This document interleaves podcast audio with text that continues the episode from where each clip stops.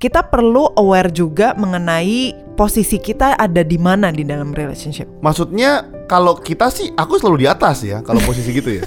aku nggak tahu maksudnya posisinya tuh gimana maksudnya. Mulai.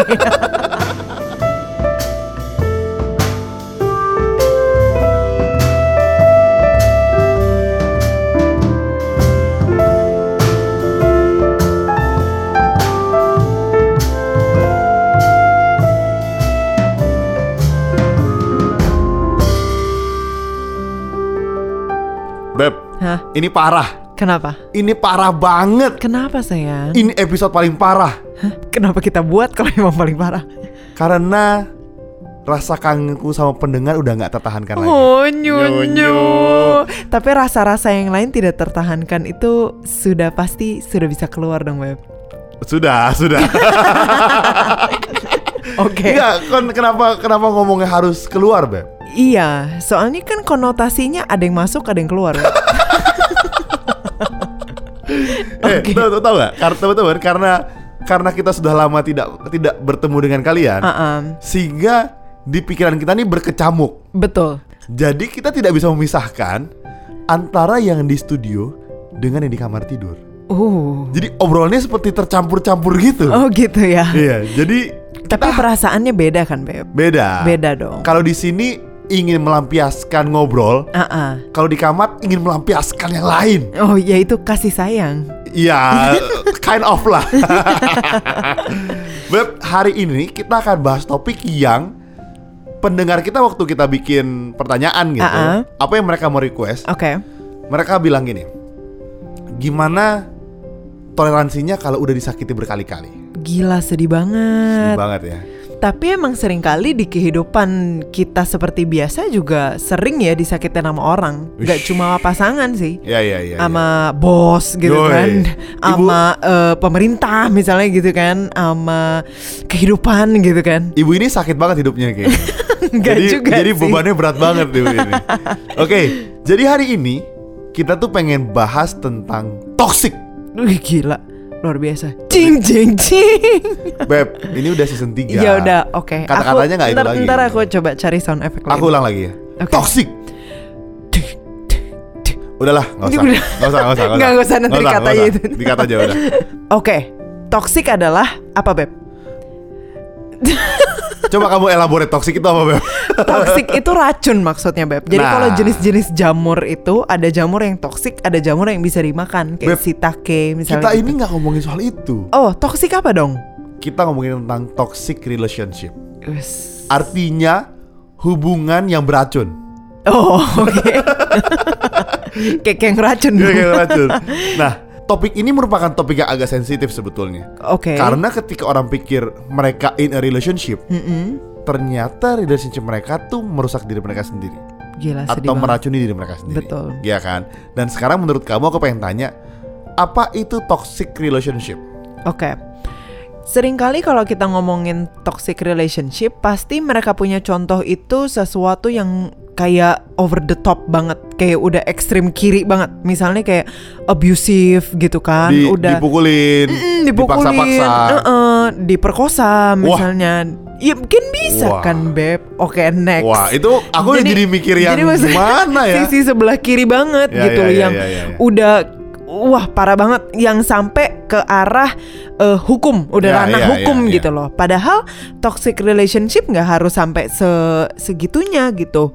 Ketika misalnya kalian punya pasangan yang memanfaatkan, kalian punya pasangan yang menghambat pertumbuhan kalian aja, itu bisa dibilang toxic. Jadi, kalau misalnya kalian pacaran, Eh, kalian nggak tambah tinggi, dia toxic berarti. Karena kalian tidak bertumbuh lagi gitu maksudnya Enggak, kan? itu kayaknya kamu membedakan antara relationship makanan dengan relation beneran kayaknya deh. Tapi maksudku relationship yang kayak kalau kita belajar IPA gitu ya dulu ada yang namanya simbiosis see. gitu kan. Nah, kalau ini simbiosisnya bukannya mutualisme yang sama-sama win-win, tapi ini justru parasitisme gitu. Jadi satu itu orangnya mengambil keuntungan terus, jadi memang untuk memuaskan, untuk melampiaskan apa pun itulah gitu ya.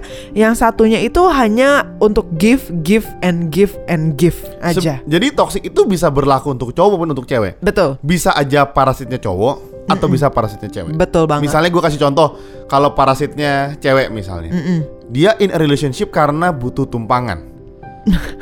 ada yang begitu? Ada, ada Jadi juga. like karena ke mana-mana nih cowok baik banget nih nganterin pagi-pagi Iya, udah benar. jemput. Akhirnya mereka membangun tanda kutip bisa jadi friend zone atau hubungan Ah. yang tanpa status Iya. untuk jadi itu tuh jadi sebuah sebenarnya toxic gitu, Benar. merusak yang pria sebetulnya. Benar. Sampai dikecewakan karena aku punya teman ada yang begitu dulu. Gila, Parah banget. banget. Jadi banget. jadi istilahnya mungkin cewek itu suka sama cowok lain, tapi karena yang satu temennya itu cowok selalu ada buat dia, selalu anterin, selalu bawain makanan, selalu bisa pijetin misalnya gitu ya, selalu bisa bikinin PR. Jadi dia lama-lama, ah udahlah, gue keep deh, ini teman gue yang cowok. Jadi istilahnya memang relationship mereka itu based on apa? Eh, kepentingan, ada Yes, kepentingan betul, gitu. betul. Jadi selama cowok ini bisa give, bisa memberikan suatu dampak yang baik bagi cewek ini gitu ya. Meskipun dampaknya itu terkesan egois pasti, tapi terus habis itu ya dia tetap pertahankan. Tapi emang kadang-kadang cewek suka gitu sih, Beb. Kayak kita tuh kayak susah melepaskan satu teman kita yang selalu ada buat buat kita, satu teman kita yang selalu bisa kasih tumpangan, Terutama kasih makan. terutama laki-laki. Terutama laki-laki. Jadi kamu sebagai perempuan menyadari bahwa perempuan punya sisi itu memang sengaja untuk untuk apa ya? Ya udahlah deket aja nggak apa-apa gitu ya. Eh-eh, bukan cuma ya udahlah deket aja, tapi kadang-kadang kayak kita membiarkan ada cowok yang suka sama kita buat deketin kita supaya kita bisa meraup keuntungannya. I see gitu ya. Iya. Dengan disadari. Dengan disadari iya. Jadi menurut aku sih eh, kadang-kadang mereka itu memanfaatkan, tapi mereka itu membohongi diri sendiri. Jadi mereka nganggapnya enggak kok kita cuma teman gitu. See. Padahal mereka Enggak. tahu, mereka tahu di Mereka dalamnya. tahu ini sebenarnya cuma memanfaatkan dan mereka tahu ini sama cowok ini tuh nggak akan ke mana-mana. Beb, terus kalau misalnya gitu berarti menghambat si cowoknya dong. Karena cowoknya nggak bisa harusnya dia bisa ke sini jadi nggak bisa, Nah. dia mau ngejar karir jadi nggak bisa, jadi menghambat si laki-laki. Mm-mm, benar. Jadi bisa dibilang si cewek ini jahat banget karena dia nggak mau membiarkan cowok ini break free gitu istilahnya. Nggak ya, bisa ya, ya. membiarkan cowok ini memang dapat kesempatan untuk bisa berkomitmen dengan cewek lain, untuk bisa akhirnya mengembangkan diri dia, untuk bisa akhirnya dapat kesempatan karir yang lebih baik misalnya gitu.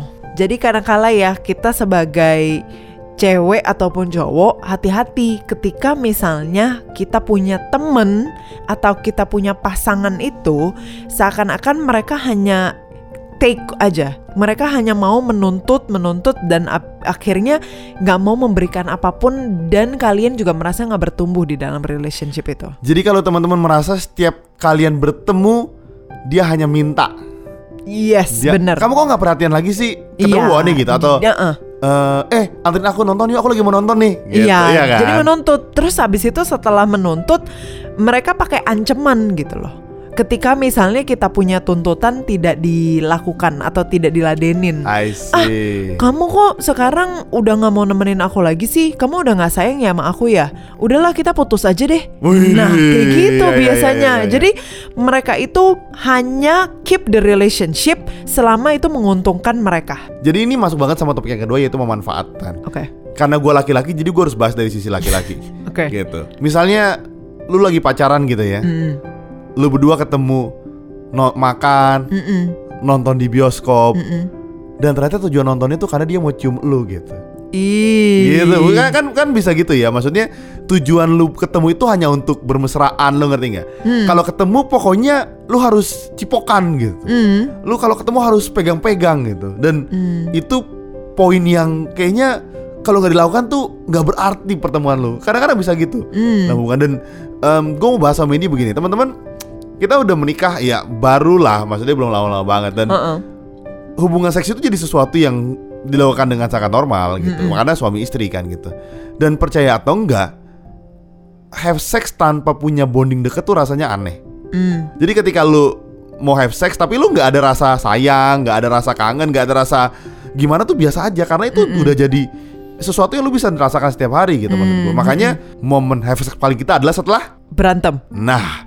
karena ketika habis berantem itu kita rasanya uh lega. Iya. Biasa kita habis itu begituan biasa. Bener.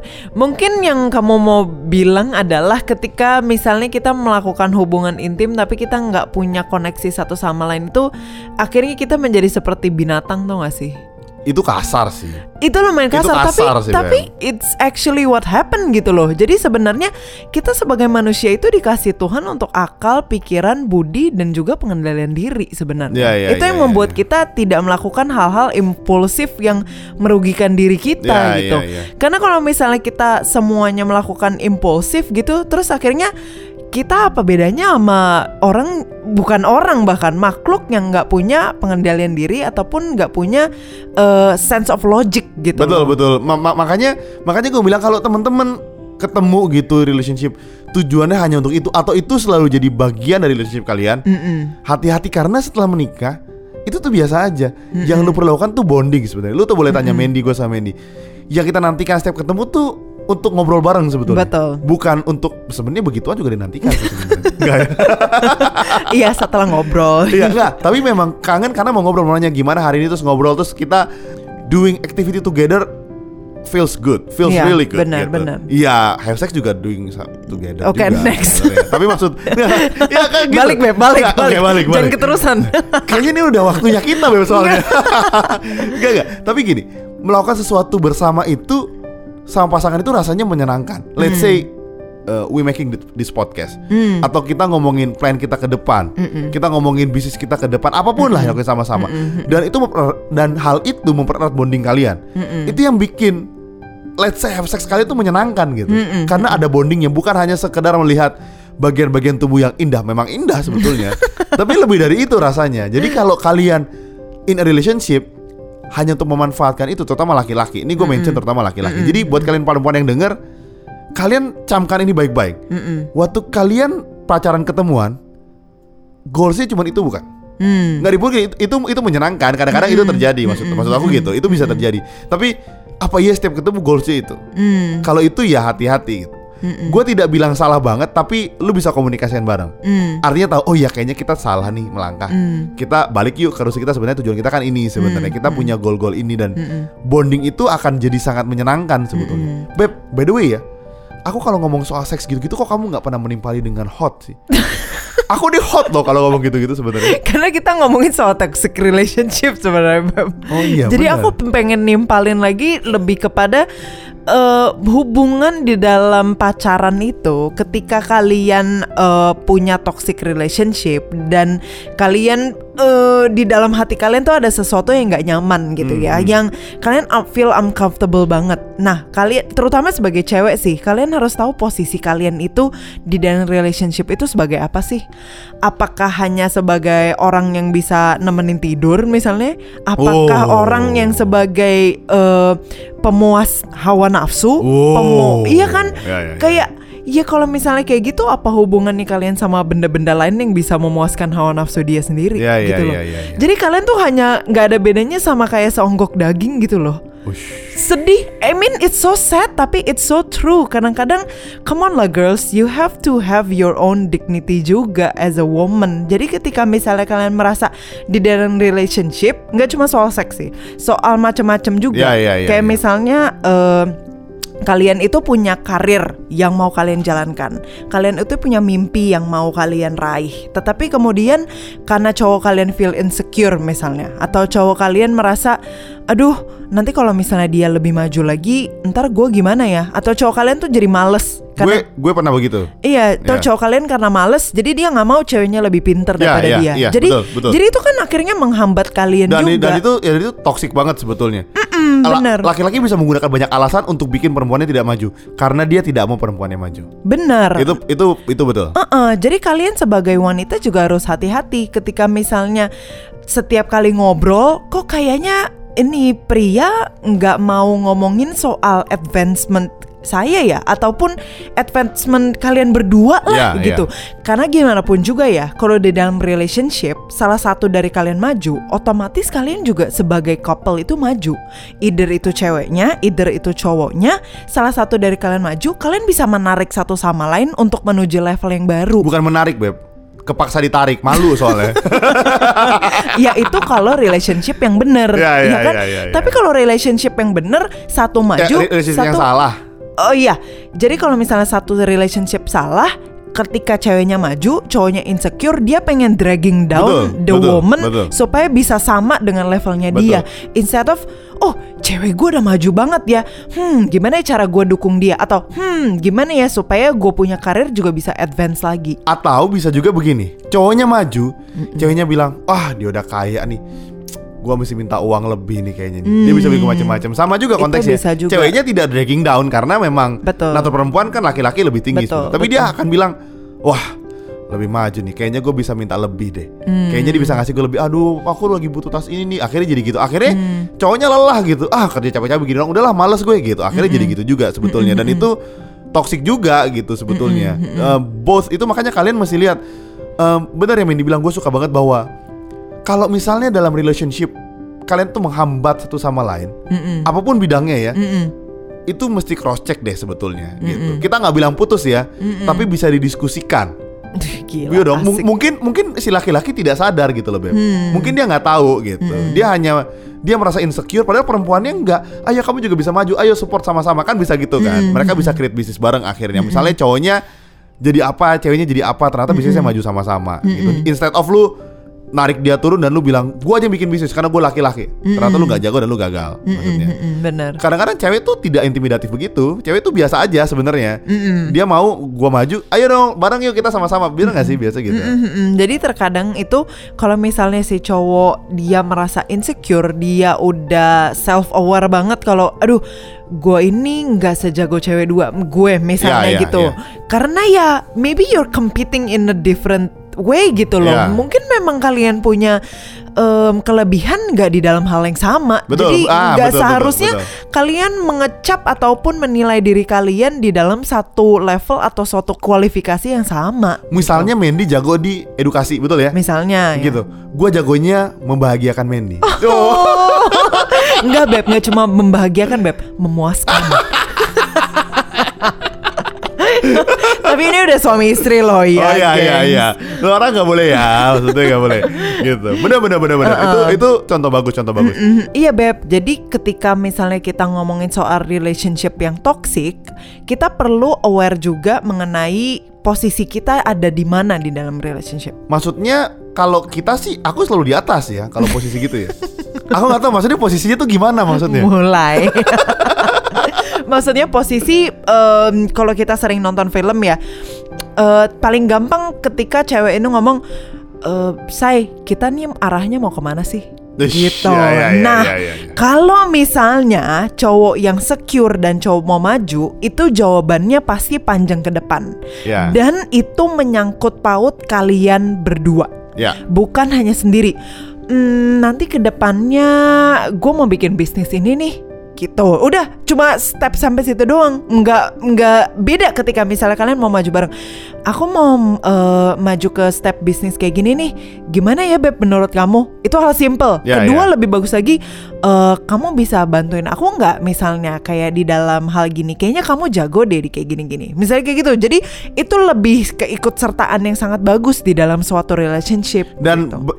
itu berarti pasangan kalian tuh mengenal satu sama lain. Dia Hmm. mengenal kekuatan kalian, gitu dong. Artinya dia saya bilang gini, kamu bisa nggak bantu di sini? Karena dia kenal kalian kuat di situ, gitu kan. Dan Hmm. Bener. menurut kita itu sign bagus banget buat pasangan kalian.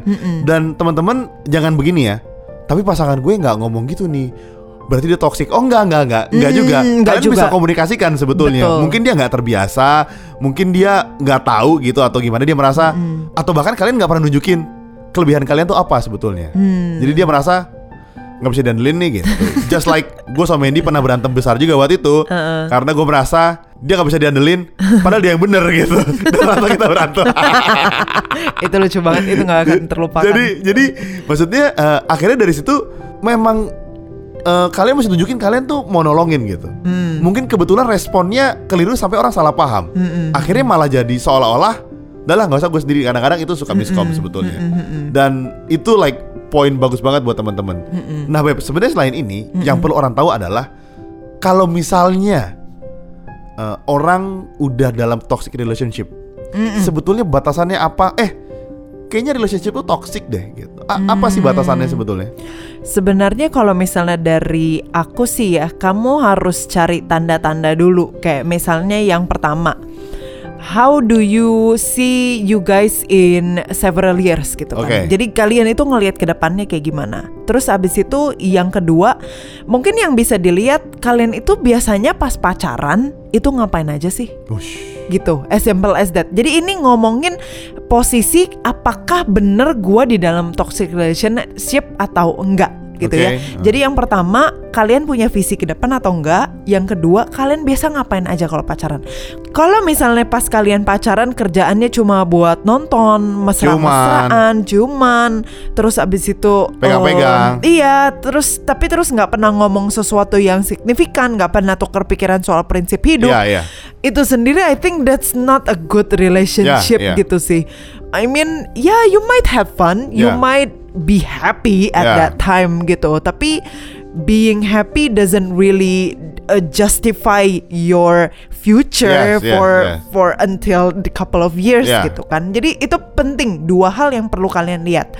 Nah, kalau buat aku sendiri sih salah satu misalnya em, alarm yang perlu langsung aku cut ketika langsung ter, eh, dilakukan adalah ketika misalnya orangnya melakukan kekerasan. Jadi kalau buat aku orang itu dari pacaran aja dia udah melakukan kekerasan itu udah langsung buat gue udah big no no banget. Baik verbal maupun fisik. Yes, bener. Jadi maksudnya kalau fisik kan obvious ya, Yeah. udah kelihatan sakit. Verbal itu maksudnya kayak gini, eh dia itu Mela- melakukan ngancem. ke- melakukan kekerasan artinya sesuatu yang keras gitu kan. Batu. Enggak, verbal keras kan itu kan. Jadi dia ambil batu, kemudian dia dia naikkan tinggi-tinggi ke atas, kemudian dia berteriak Batu. Gila lu, cuy. Verbal.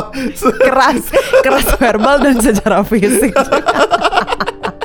Oke, oke, oke. Anyway, jadi maksudnya ketika kekerasan secara verbal itu dia eh, mendowngrade kalian. I see, Misalnya, iya, iya. lu emang cewek nggak pernah berguna deh. Atau misalnya Cowok. lu seba iya, ha-ha. lu sebagai cewek tuh emang kerjaannya cuma menghabisin duit gua aja ya. Nah, itu kekerasan verbal yang mengancam dan akhirnya membuat kalian tuh insecure as a Ya. person gitu ya. Jadi for me kekerasan seperti itu udah nggak bisa aku tolerate. Kenapa?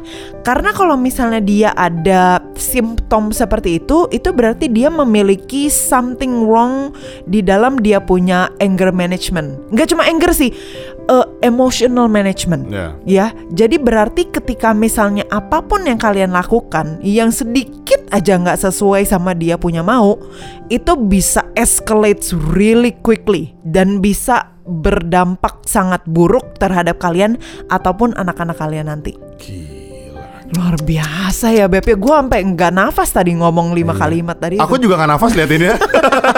Iya kan? Jadi maksudnya eh kalau misalnya udah kayak gitu, kalau masih pacaran udah cut aja. Iya, iya. Tapi kalau misalnya dalam kalian eh, sudah menikah misalnya kayak gitu ya, it means you need professional help. ya, ya. Kenapa? Ya. Karena itu something yang really deep inside him ataupun her Ya, gitu ya, ya. yang perlu diselesaikan Betul, terlebih dahulu. betul. Either mungkin dia juga pernah dibully, eh, dia punya masa lalu buruk dengan dia punya orang tua, dia nggak punya figur pemimpin yang cukup di dalam dia punya kehidupan, sehingga dia mengeluarkan hal-hal tersebut dengan cara kekerasan.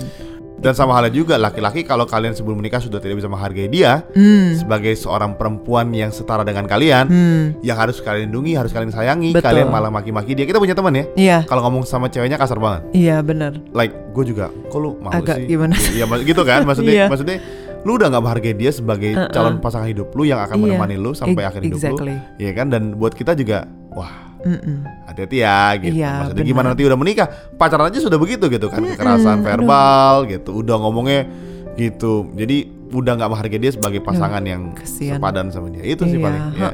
Ya.